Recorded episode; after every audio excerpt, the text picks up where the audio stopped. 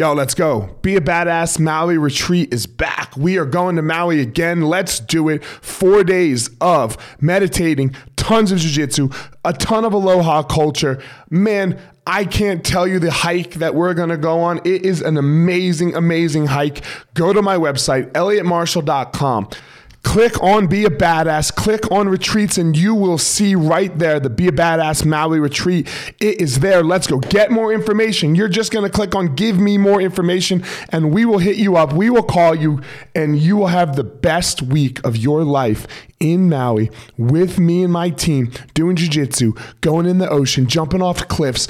Oh my Lord, it's going to be an amazing time. ElliottMarshall.com. Click on Be a Badass. My ninjas, how are you? Uh, look, first of all, sorry for missing next week, uh, last week, excuse me, my bad. Uh, when I noticed that I was late, I then noticed that I was sick. So, anyway, my bad, sorry about that. But let's jump back in to this idea of being a badass. we have gone through, excuse me, all of the the uh, the physical end, right? Like physical. What's so what's after physical? What comes after physical, or what we're going to do after physical, is financial. You can't be a badass. I'm going to say it right now. You can't be a badass if you are stuck and tied to working at your job today. Now, look, I'm not saying forever, right? Everyone's got to go to work, do their thing. I, I, yes, of course, okay?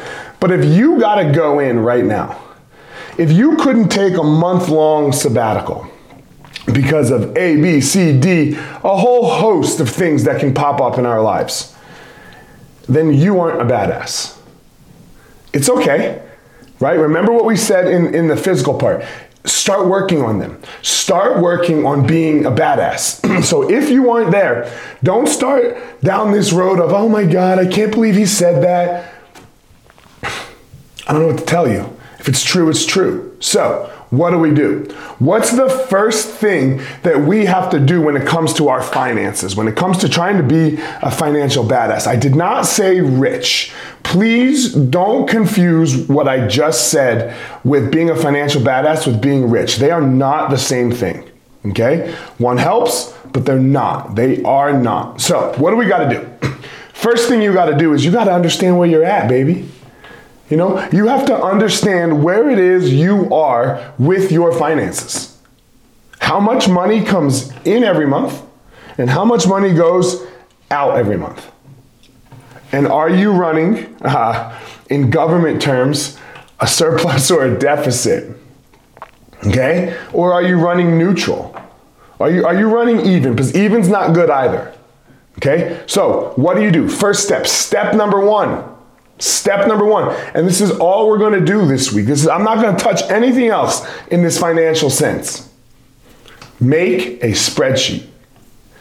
Elliott's finances. What comes in, what goes out. Track it for three months. Track it for three months and see where every single penny goes. The first step in any type of change is knowing where you're at. That's step number one. Every single penny, know where it goes. No judgment. Don't stop doing anything. Just know where it goes.